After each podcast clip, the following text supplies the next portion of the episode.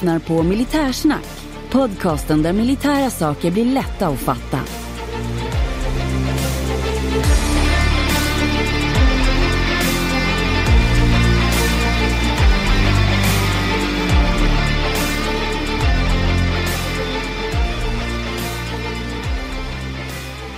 Ja, men då var vi igång igen med ett avsnitt av Militärsnack och vi är nu framme vid avsnitt 59 så det borde väl kanske ha varit M59 som hade varit namnet på det här avsnittet.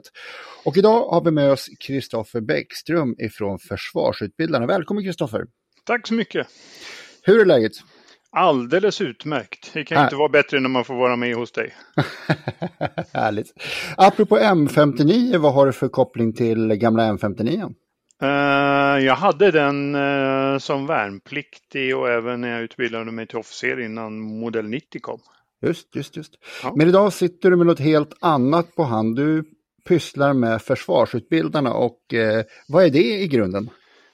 Vi är en frivillig försvarsorganisation som rekryterar och utbildar personal till den civila och militära delen av totalförsvaret. Mm. Och så bedriver vi även totalförsvarsinformation. Okej. Okay. Mm. Det, det, är ett jäkligt brett perspektiv och eh, brett uppdrag. Ja, det är det ju. Uh, vi är ju en av 18 frivilliga försvarsorganisationer uh, som rekryterar och utbildar folk till totalförsvaret. Så att vi har ju våra nischer med olika befattningar som vi rekryterar och utbildar för.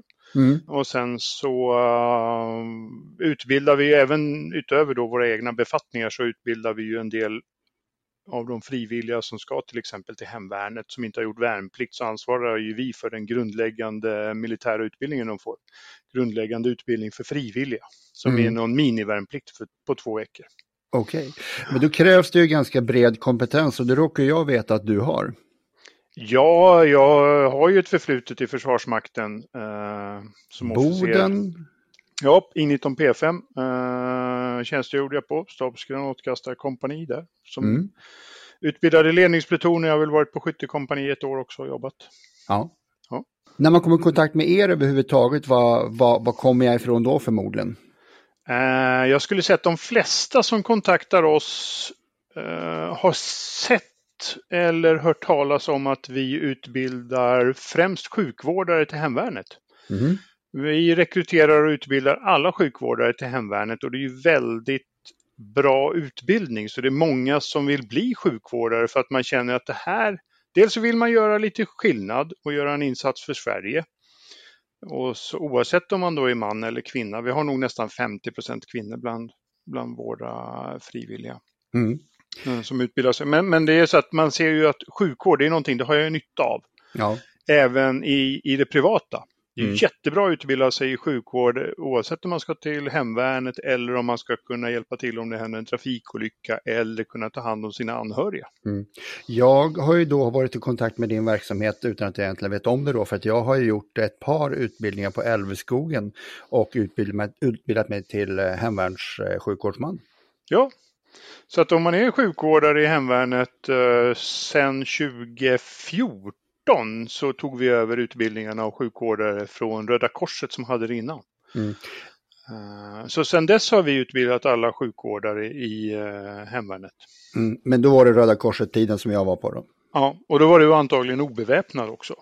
Ja, det skulle jag nog vilja vara idag också. Ja, men idag har ju alla, även sjukvårdarna, har ju vapen för att kunna försvara sig själva. Okej. Okay. Mm. Så de har pistol idag. Ja. Mm. Men ni har ju inte bara sjukvårdare utan ni har ju även ungdomsverksamheter. Ni har en del eh, som jag tyckte låter vara civilförsvarsnära för det, ni eh, har väl kurser och utbildningar i hemberedskap vad man ska ha i den här lådan ja. som ni pratar om. Ja, det har vi också. Eh, men som sagt, vi har några befattningar till, till hemvärnet. Vi har sjukvårdare, vi utbildar de som ska bli CBRN-soldater till mm. CBRN-plutonen, alltså farliga ämnen. Mm. Vi eh, utbildar informationsbefäl till hemvärnet. Vi utbildar eh, de som ska ingå i pionjärplutoner i hemvärnet. Mm. Men där är en skillnad för där måste man ha gjort riktig värnplikt. Everyone knows therapy is great for solving problems, but getting therapy has its own problems too, like finding the right therapist, fitting into their schedule, and of course, the cost. Well, BetterHelp can solve those problems. It's totally online and built around your schedule. It's surprisingly affordable too. Connect with a credentialed therapist by phone, video, or online chat, all from the comfort of your home. Visit betterhelp.com to learn more and save 10% on your first month. That's BetterHelp, H E L P. så där räcker inte med en sån här grundläggande utbildning för frivilliga. Och sen så rekryterar och utbildar vi faktiskt Försvarsmaktens fältartister också.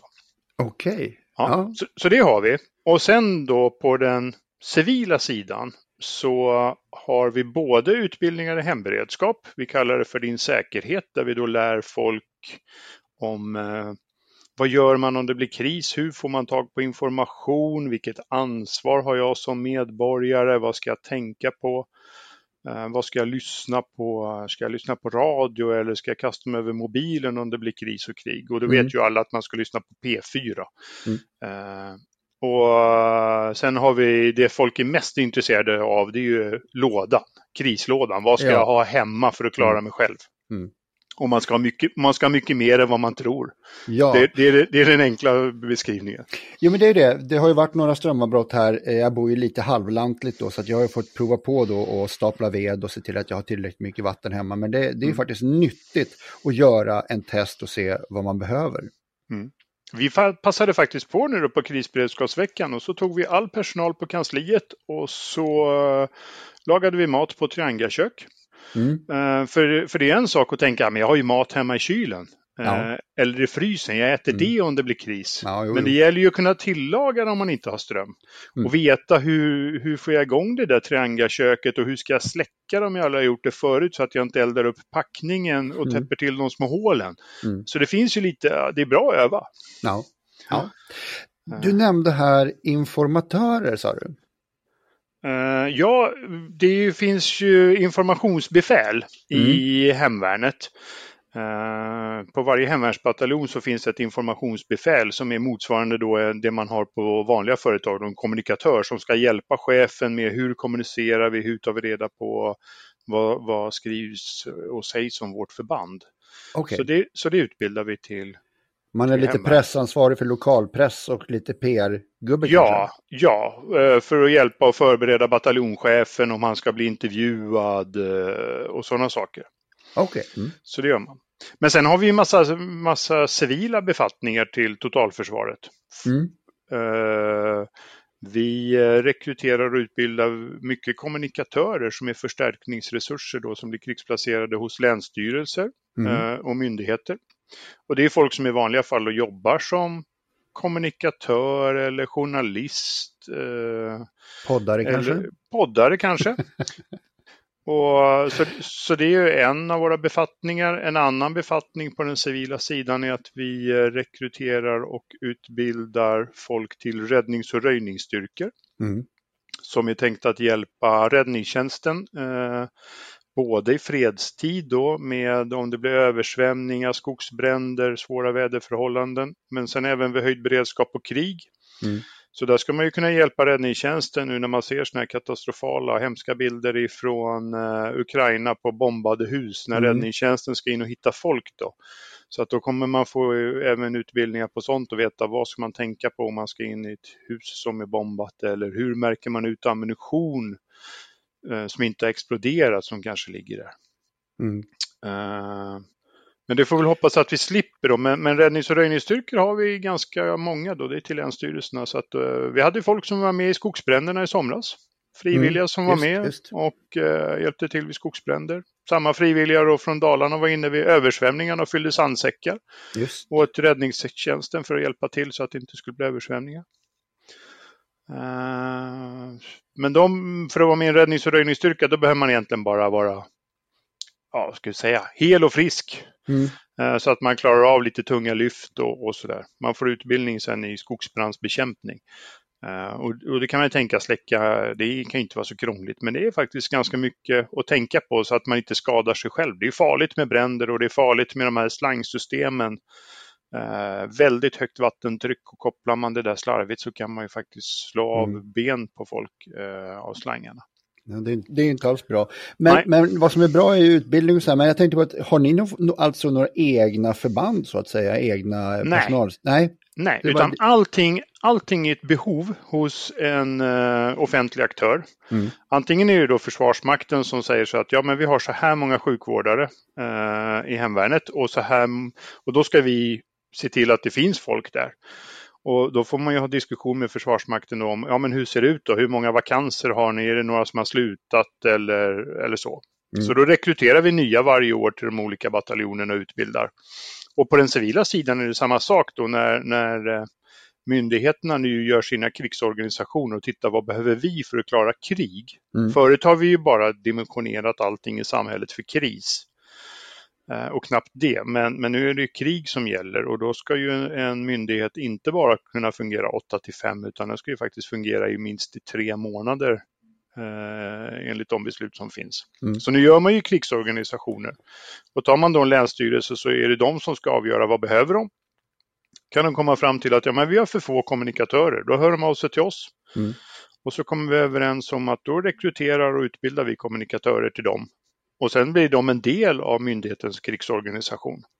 Sen hoppas ju vi att kommunikatörerna är kvar som medlemmar hos oss så att de får ut tillräckligt mycket. Men, men eh, vårt uppdrag är att rekrytera och utbilda. Mm. Så vi har inga egna förband, vi har inga egna prylar mer än det vi har för själva utbildningen. Jag förstår. Men hur, hur ser det här ut på ett, på ett eh, geografiskt plan? Finns det vissa tjänster som då ni utbildar till som kanske bara finns i Lappland eller kanske bara på Gotland eller liknande? Eh, ja, det skiljer ju lite. Om vi tar uh, räddnings och röjningsstyrkor, det är ju upp till de länsstyrelserna då som har... Hittills har det varit ganska mycket de som har haft erfarenhet av skogsbränder. Mm. Så vi har utbildat räddnings och röjningsstyrka till Stockholms län, till, eller till Länsstyrelsen i Stockholm, till Länsstyrelsen i Uppland, Dalarna, Västerbotten, Norrbotten. Eh, för de har ju insett att det kan brinna. Men nu har det ju även kommit in beställningar till exempel från Skåne. Eh, och de har ju inte sett att de behöver en räddnings och röjningsstyrka för fredstida bränder utan de säger Nej. att de behöver det här för om det blir krig. Just. Eh, För i Skåne så bor det liksom en miljon människor och då har de konstaterat att ja, men vi behöver bygga upp en organisation för det här. Mm. Stockholm har beställt fler nu efter kriget i, i eh, Ukraina. Eh, kommunikatörer är samma sak. Det är väl spritt över landet från olika myndigheter. Och det har ju en del länsstyrelser har kommit långt i planeringen och i sina analyser. En del kanske inte är helt färdiga. En del kanske inte behöver fler kommunikatörer för man har tillräckligt.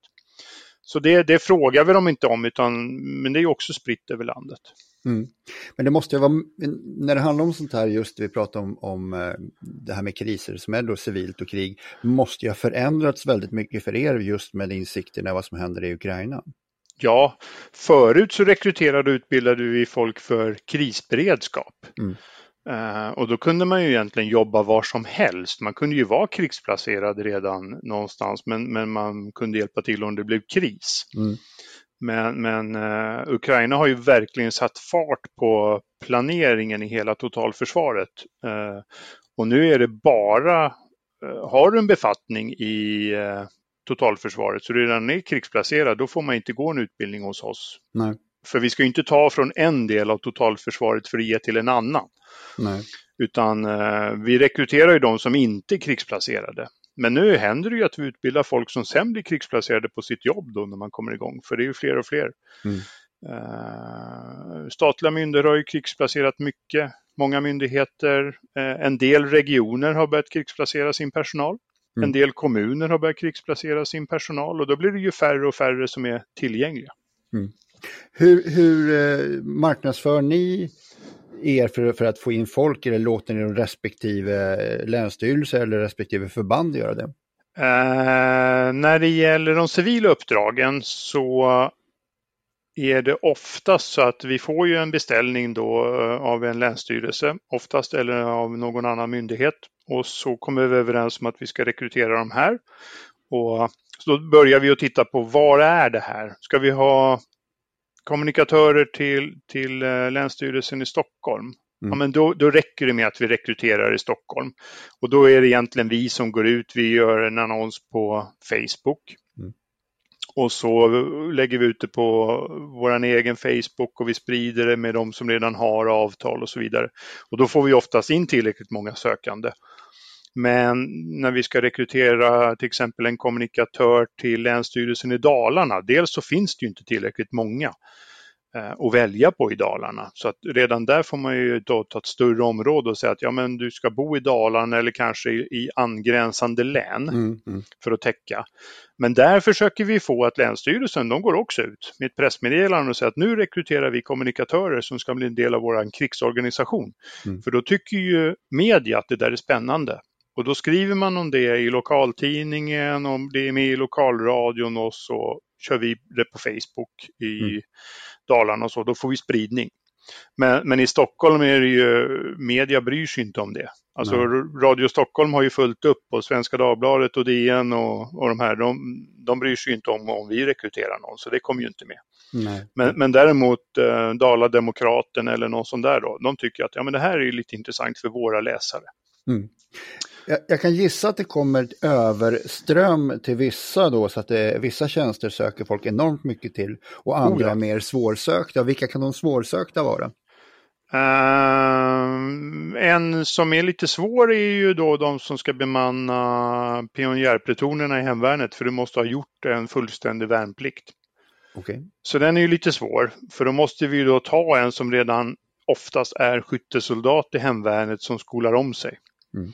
Pionjär, det är inte en soldat som skjuter det första skottet. Förklara gärna vad en pionjär är för någonting. En pionjärsoldat, det är en sån som ska kunna hjälpa till och eh, lägga ut mineringar, eh, minor. De ska kunna hjälpa till att spränga och förstöra flygfält eh, om det behövs. Och de ska även kunna hjälpa till att laga flygfält eh, om de har blivit sprängda eller förstörda.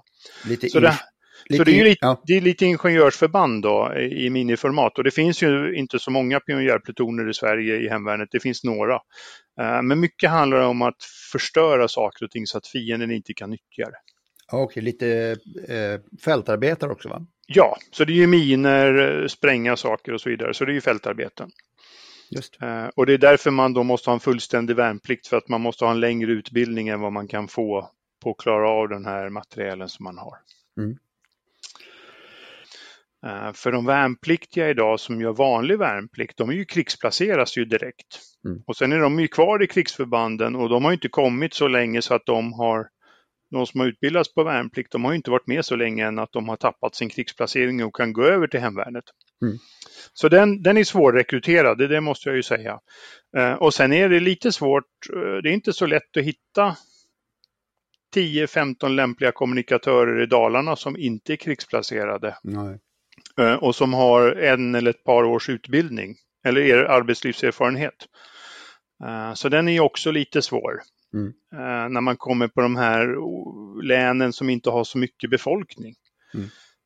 Norrbotten är också en, utmaning när det handlar om, om hemvärnet. Det bor väldigt lite folk, det är väldigt stort och det finns fyra hemvärnsbataljoner i Norrbotten.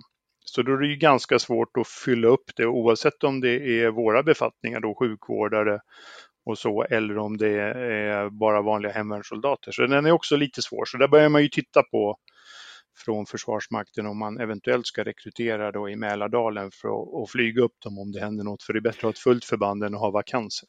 Men det har ni väl redan börjat gjort? Uh, ja, de har något pilotprojekt nu mm. uh, med hemvärnet för att rekrytera i Mälardalen för att prova det. Men det, är, det, är en, det, måste ju till en fullständig logistik, log, logistiklösning så man vet hur får jag upp dem om det blir hemvärnslarm och sådana saker. Just, just. Planning for your next trip? Elevate your travel style with Quince. Quince has all the jet-setting essentials you'll want for your next getaway. Like European linen, premium luggage options, buttery soft Italian leather bags and so much more. And it's all priced at 50 to 80% less than similar brands. Plus, Quince only works with factories that use safe and ethical manufacturing practices. Pack your bags with high-quality essentials you'll be wearing for vacations to come with Quince. Go to quince.com slash trip for free shipping and 365-day returns. Millions of people have lost weight with personalized plans from Noom. Like Evan, who can't stand salads and still lost 50 pounds. Salads generally for most people are the easy button, right? For me, that wasn't an option. I never really was a salad guy. That's just not who I am. But Noom worked for me. Get your personalized plan today at Noom.com. Real Noom user compensated to provide their story. In four weeks, the typical Noom user can expect to lose one to two pounds per week. Individual results may vary. Mm. Eh, civila skyddsvakter, det är något som ni också håller på med va? Ja, det är ju så här att förut så har ju hemvärnet haft mycket bevakningsuppgifter. Eh, men nu har man ju kommit på att hemvärnet behövs ju även då för liksom de riktiga stridande uppgifterna, försvara eh, objekt och så vidare. Eh, och till och med då kunna kriga ordentligt. Så att det är ju, och dessutom så blir det fler skyddsobjekt vid händelse av höjd beredskap och krig. Och de får ju bara bevakas av polis, sky, utbildad skyddsvakt eller av en soldat i Försvarsmakten. Och, och, polisen har inte riktigt tid för de behöver lösa sina andra uppgifter och Försvarsmakten behöver lösa sitt mer så att de har ju tittat på kan vi utbilda civila skyddsvakter. Så vi har ansökt om och blivit godkända för att utbilda civila skyddsvakter. Vi gör det bara för höjd beredskap och krig. Eh, men då rekryterar vi ordningsvakter eller väktare som jobbar i vanliga fall eller har ett sådant förordnande som är godkänt. Eh, Och sen så rekryterar vi dem och utbildar dem och ger dem en förkortad utbildning eh, enligt eh, Polismyndighetens regler så att de då blir godkända skyddsvakter. Och sen blir de en del av krigsorganisationen då hos Länsstyrelsen, en annan myndighet, de som äger skyddsobjektet som ska bevakas. Mm. Och det handlar ju både om infrastrukturobjekt som kanske då Trafikverket har. Eh, viktiga delar det handlar om järnvägsknutar eller någonting annat som är viktigt. Men sen är det ju även ledningsplatser Mm. för länsstyrelser och så vidare.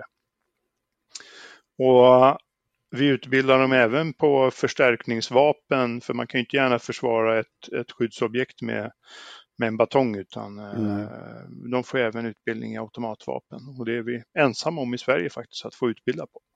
Riktigt syrlig sarkasm, det räcker långt men inte till det. Ja. Så kan det vara ja. Så att, eh, och skyddsvakt är ganska populärt, det är många sökande.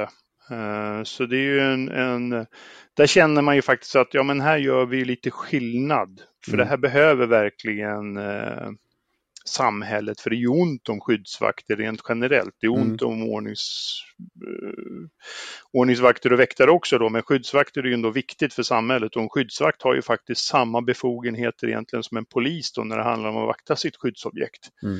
Eh, Så det är en ganska kvalificerad utbildning där man får lära sig både liksom juridiken och lagarna kring det och sen handgripligt, hur gör man för att gripa någon? Mm.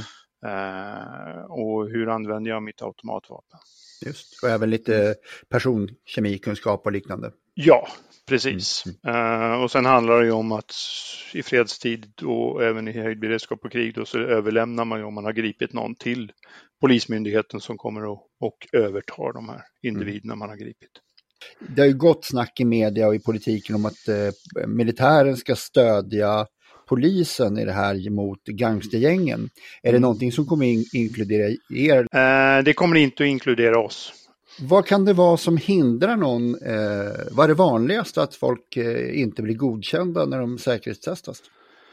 Eh, ja, alltså alla som ska till hemvärnet, de säkerhetsprövas och det gör ju Försvarsmakten. Eh, och när det handlar om de civila befattningarna så är- säkerhetsprövas då kommunikatörer och skyddsvakter. Eh, räddnings och röjningsstyrkor, de behöver inte säkerhetsprövas för de har inga, kommer inte komma i kontakt med någonting som är hemligt. Mm. Eh, och, och det som gör att man kan bli underkänd i en säkerhetsprövning, det är ju dels det som kommer fram under en intervju, Mm. att man kan ha någon form av svaghet som en fiende skulle kunna nyttja. Mm. Att du till exempel dricker för mycket. Mm. Eller att du har ett spelberoende som gör att du är i behov av pengar. Mm. Eh, Att du har stora skulder. Mm. Eller att du umgås med eh, fel människor. Jag förstår. Eh, och det här är väl då, pengar är ju det vanligaste som, som man försöker att fråga om och kontrollera. Mm. Eh, men sen är det ju även att man ska ju inte vara dömd för brott heller. Så det ena är ju en intervju som, som genomförs och sen är det ju en registerprövning hos Säkerhetspolisen när de tittar då att man inte är dömd för brott. Det är ingen fara om man är dömd för en fortkörning. Och, och, det kan vara andra småbrott som inte heller spelar någon roll under förutsättning att man har berättat det. Mm. Men däremot om du är dömd för någonting och inte har sagt det under intervjun, mm. Mm då har du ju inte varit ärlig och då är du rökt även om det är en skitsak. Aha, okay. Mm. Men mm. du får ju inte vara dömd för våldsbrott eller finnas med i misstankeregistret för att eh, polisen vet om att du har nog varit med på en och annan brottslig sak men det mm. går inte att bevisa. Nej, eh, och inga våldsbrott och sådana saker för de är inte lämpliga att få utbildning till exempel på vapen eller hantera hemliga handlingar. Mm. Eh, för det ska vi ju inte, då finns det andra vi kan välja. Mm. Det är mm. alltså både vandel, situation och personlighet? Ja, eh, mm. allting som kan göra dig sårbar mm. på något sätt. Ehm, så det kan ju vara att man liksom, ja men du kanske inte hade ett problem men så skiljer du dig och så börjar du kröka för mycket. Mm. Ehm, så därför så gör man ju uppföljande samtal också med de som är säkerhetsprövade. Mm. Men de här sakerna som du nämnde nu, vi får ta och titta tillbaka, så var ju inte det alls någon form av uh, undersökning som jag gjorde tidigare till till exempel hemvärnet. För det, det, det har ju liksom klassiskt, vi tittar tillbaka 60-70-talet så pratar man om fulla gubbar nästan i, mm. i, i hemvärnskretsar. Det, det, världen ser inte ut så längre. Nej. Eh, så att, och det är väl bra att vi kontrollerar för vi vill ju inte utbilda folk på vapen. Nu har de inte vapen hemma längre vilket man hade förr i världen, mm. den tiden som du, som du belyser. Men, men då var det ju ändå tillfällen när hemvärnsmän hade vapen hemma, krökade till, gick ut på balkongen och, mm. och, och sköt några skott. Mm. Och det är ju inget bra. Uh, och det vill vi ju inte ha, så det, jag tycker det är jättebra att man gör en noggrann säkerhetsprövning. Men mm. sen så är det ju även att vi ska ju inte utbilda extremister heller i vapentjänst. Nej. Oavsett om det är en högerextremist eller en vänsterextremist eller en miljöextremist. Ja, så ska inte de utbildas i vapentjänst eller i hantera sprängämnen och inte kriminella heller. Mm. Så därför så är ju säkerhetsprövningen faktiskt mycket viktigare än vad en del människor kanske inte riktigt förstår. Ja.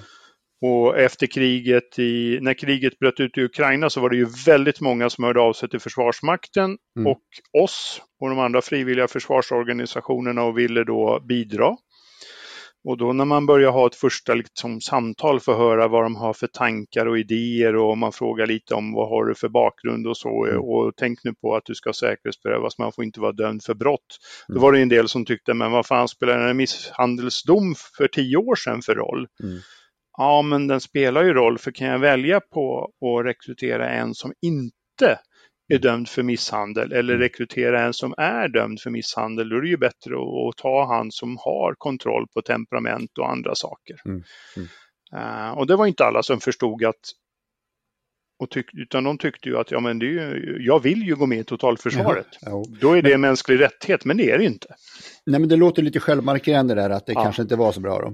Nej, så att eh, så, så, det, det, så det händer väl, men det är inte jätteofta att folk inte klarar sin säkerhetsprövning för de får ju reda på av oss redan när vi rekryterar dem att de ska säkerhetsprövas. Mm. Och, och, då berättar vi vad det är och då är det ju, händer det ju att någon säger så här, nej det här är ingenting för mig. Nej och, och, och, så. Men visst, det händer ju fortfarande att det blir en och annan som blir underkänd i säkerhetsprövningen för de kanske tror att ja, men det här har kanske inte polisen koll på. Mm. Eller det här kommer ingen upptäcka. Mm.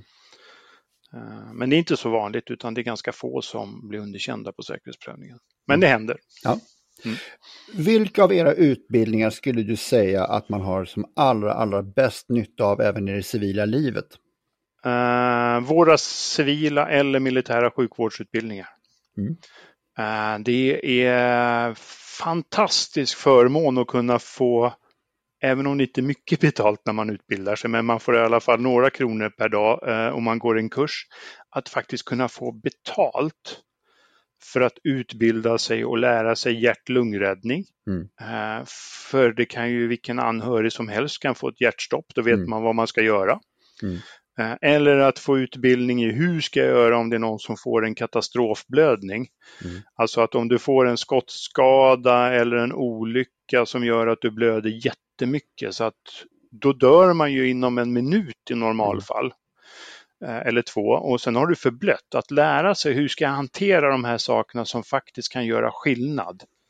Det skulle jag säga, det är ju det som är det, det bästa vi har och det som folk har mest nytta av. Mm. Eh, sen eh, att, att sätta ett första förband, ja men det är ju inte raketforskning men, men det gäller att veta vad gör man mm. om någon bara faller ihop mm. eh, och kunna rädda liv. Mm. Det var ju just det, de där, det du sa nu som drev mig i, i stort till att eh, bli då eh, civilförsvars och sen eh, mm. hemvärnssjukvårdare. Så det, det, är bra, det är bra att kunna, det är det verkligen. Ja, och jag har ju gjort så att eh, jag har utbildning på hjärt-lungräddning, det har alla vi på, på kansliet. Eh, jag har haft det i ganska många år även från tidigare arbetsplatser, så jag har ju anmält mig som frivillig SMS-livräddare heter det, som finns i Stockholm och ett antal län. Så att när någon får ett hjärtstopp och det rings in till SOS Alarm, utöver att de då larmar ut ambulans, polis och räddningstjänst, för alla larmas vid ett hjärtstopp för man vill ha dit någon så fort som möjligt, så, så larmar man även frivilliga. Åh fasen. Så det betyder att då tjuter i min mobil och så får jag ett larm och så, så står det då att här är någon som har ett hjärtstopp, kan du ta dig dit? Mm. Om jag då svarar ja, då får jag upp en karta och så kan jag springa dit för att hjälpa. För ibland så är jag ju faktiskt före polisen eller ambulansen eller räddningstjänsten beroende på var jag bor. Det är ju jättebra. Ja, och så kan jag hjälpa till även i vanligt och försöka rädda liv, eh, vilket jag faktiskt har varit med och gjort. Eh, och det tycker jag att, ja men då betalar jag ju tillbaks någonting till samhället och jag mm, känner att mm. jag gör nytta. Mm, mm, mm. Ja, det, det, där visste jag inte om men det är ju jätte, jättebra. Ja, SMS-livräddare heter det då. Så att, eh, SOS har en kampanj för tillfället att man kan bli SOS eh, eller SMS-livräddare då. Det finns inte i alla län än i Sverige men det finns i många. Schysst, det är jättebra. Ja. Kul. Eh, de här kurserna, några av dem kan jag tänka mig är tämligen billiga att driva och andra är väldigt, väldigt dyra. Hur, hur, ja. hur balanserar man en sån här budget? Vi får ju uppdrag av Försvarsmakten och de får ju då pengar av regeringen och så säger regeringen hur mycket pengar får ni köpa utbildningar av från frivilliga försvarsorganisationer. Eh, och de dyraste utbildningarna vi har de kostar ungefär en miljon för två veckor. Uh. och det är då den här grundläggande utbildningen för frivilliga, minivärnplikt, när man mm. lär sig hantera sin uniform, sitt vapen, skjuta, bo i tält, sjukvård, skyddsmask och så. Den är två veckor lång och så är det 30 personer. Den kostar ungefär en miljon, en guff som den heter då. Uh, och det billigaste vi har är väl ja, någon sån här uh, två timmars föreläsning mm. uh, i totalförsvarsinformation. Mm. Det, är, det, är, inte så många kronor. men det, är, det kommer, pengarna kommer antingen från Försvarsmakten eller på den civila sidan så är det MSB som mm. finansierar det. Så då lämnar vi in underlag till MSB respektive Försvarsmakten och säger att det här är det som, som olika enheter då har bett om hjälp med och så här mycket pengar vill vi få. Och vi får aldrig riktigt så mycket som vi vill så vi kan aldrig riktigt göra så många utbildningar som vi skulle vilja göra för pengarna räcker ju inte riktigt till samhället för, för det ska ju ändå vara balans. Det ska ju vara mm. pengar till sjukvård och polis och räddningstjänst och, och vård och skola och omsorg också. Mm. Eh, men, men eh, MSB och Försvarsmakten de köper ju utbildningarna av oss och vi är ju en ideell organisation så om det blir pengar över då lämnar vi tillbaks dem. Mm. Vi, liksom, vi sparar inte på någon hög eller så. Och det är reglerat hur mycket arvode våra frivilliga får eh, som gör insatser och så vidare. Mm. Härligt, jag är fascinerad. Ja. Och sen inte minst har ni ju en del ungdomsverksamhet. Ja, vi har eh, för de som är fem, det året man fyller 15 år så kan man gå med i vår ungdomsverksamhet. Mm. Den, den driver vi på uppdrag av Försvarsmakten. Eh, finns inte riktigt i hela landet men jag tror vi har 42 ungdomsavdelningar. Eh, och, och, då får man börja när man är samma år man fyller 15 och man kan hålla på tills man är 20 och sen så lär man sig nya saker. Man har inte gradbeteckningar men man har någonting man kallar för romber. Okay. Så efter ett år så får man en romb, efter två år så får du en ny och så vidare. Och eh, det handlar ju väldigt mycket om gemenskap. Mm. Eh, att göra saker och ting men samtidigt då inom en både civil och militär kontext. Att man, man får ut en uniform från Försvarsmakten som man får låna av dem, man lär sig lite marschera, arbeta i grupp, fysisk träning, prata i radio, sjukvård. Mm. Är man under 18 år så får man utbildning på att skjuta salongsgevär, alltså gevär 22. Ja. Är man över 18 så kan man få skjuta uh, automatvapen under vissa premisser. Mm. Uh, och sen så är man även med om man vill på rikshemvärnschefens tävling. Man lär sig orientera. Så det är väldigt mycket att göra saker i grupp och förbereda sig för att se, är det här med att bli officer någonting för mig? Mm. Eller är det faktiskt så där att nej, jag vill nog bli polis. Mm. Då är ÖB och vi lika glada om man blir polis, även om det är Försvarsmakten som, som betalar det. Mm. för de behöver också bra människor. Det viktigaste är att man landar där man behövs och inte just alltid i Försvarsmakten. Men klart att målet är väl då att se, vill man bli vanlig officer eller specialistofficer eller eh, göra lumpen och sen bli anställd soldat? Mm. Eh, eller vill jag gå med i hemvärnet? Men sen har vi ganska mycket kurser också för ungdomarna de kan gå. De kan gå olika temakurser och både för de som är med i ungdomsverksamheten för att förkovra sig, vinterutbildningar, sjukvård, eh, olika överlevnad och olika saker. Men vi har mm. även prova på-kurser för ungdomar som vill prova på hur är det att göra lumpen. Mm. Så då kan man göra en minilumpen på tre dagar. Eh, en, en military weekend som det heter då. För att se, är det här någonting för mig? Mm. Eh, och så där. Och ungdomsverksamheten, vi har ju nästan 3000 ungdomar bland våra 29 000 medlemmar. Och det är ju en viktig del att man lär sig också att vara med andra och sen får man ju en meningsfull sysselsättning. Mm. Det är övningar på helgerna och vissa ställen de träffas typ en gång i veckan. Så det beror lite på om man lägger upp det som att det är veckoträffar eller om det är koncentrerat till helger. Och sen är det lite övningar, man kan åka på kurs, träffa folk från hela landet eh, och ha roligt. Mm. Så ungdomsverksamheten tycker jag, den är, den är viktig och den är rolig att vi har. För det är som sagt var, det både bygger människor och så så blir de bättre förberedda för ett, ett liv som i helhet, att man inte bara fastnar med mobilen. Nej, det är lite scouterna på riktigt. Ja, precis. Ja, fast scouterna är väl bra också. Det är också ett sätt att engagera sig. Så mm. att jag tycker inte att man ska säga på riktigt då, men det är lite annorlunda. Ja, ja. just. Det är det ju. Even on a budget, quality is non-negotiable. That's why Quince is the place to score high-end essentials at 50 to 80% less than similar brands. Get your hands on buttery soft cashmere sweaters from just 60 bucks, Italian leather jackets, and so much more. And the best part about Quince, they exclusively partner with factories committed to safe, ethical, and responsible manufacturing. Elevate your style without the elevated price tag with Quince. Go to quince.com slash upgrade for free shipping and 365-day returns. Sen vet jag att totalförsvarsinformation är något som går i era gener här. Ja, det är ju de flesta som är med hos oss, de har ju ett intresse för totalförsvar. Eh, och då är det ju ganska enkelt. Då. Alla våra medlemmar, de betalar, de flesta förbunden eh, tar 100 kronor för att vara medlem i ett år. Mm. Och för den där hundralappen så får man våran tidning fem gånger om året eh, med massa bra information och artiklar om totalförsvaret, kurser och andra saker som man lär sig. Eh, men vi har även öppna föreläsningar som man kan anmäla sig till på vår hemsida. Allt ifrån om hur fungerar spetsnas i Ryssland eller informationspåverkan, eh, om att göra lumpen, ja olika, så det kallar vi för torsdagsföreläsningar då, som går då varannan eller var tredje vecka. Och sen har våra förbund emellanåt bjuder in sina medlemmar Mm. på eh, digitalt eller fysiskt på eh, olika delar för att berätta om hur fungerar olika saker. Eh, och sen så genomför vi ju såna här informationsmöten tillsammans med andra organisationer, Allmänna försvarsföreningen och Kungliga krigsvetenskapsakademin. Och så pratar vi om totalförsvar. Då ligger det på en liten högre nivå, så då är vi inte på lära sig grunderna utan då är det vad är, nu ska vi gå med i NATO, vad är det för mm. utmaningar med att gå med i NATO? Så bjuder vi in politiker och, och smarta människor. Och kan, och kan man inte gå på de där fysiskt så finns ju länkarna på vår hemsida. Så man kan se de här föreläsningarna efterhand eh, när vi har haft försvarsforum. Så att det är ett bra sätt om man vill lära sig mer om, om Försvarsmakten, om totalförsvaret och de civila delarna.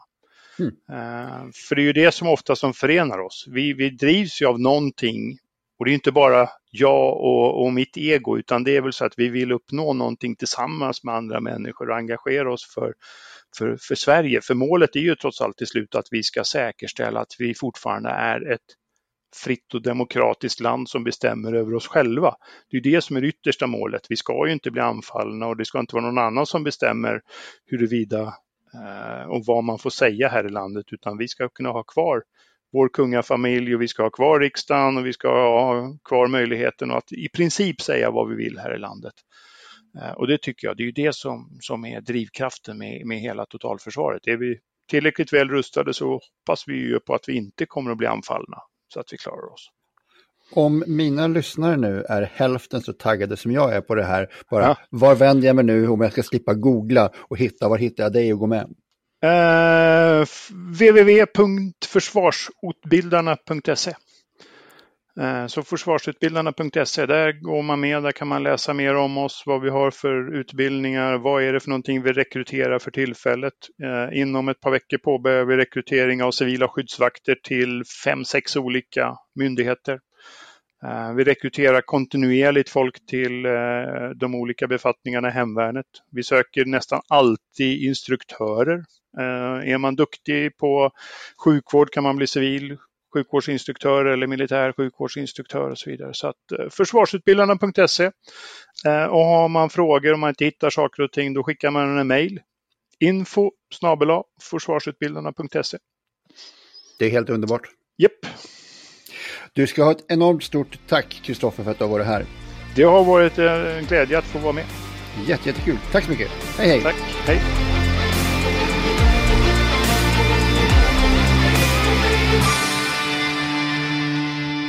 Glöm inte att gilla, dela och gärna prata om vår podd med de vänner du tror skulle gilla den. Tack!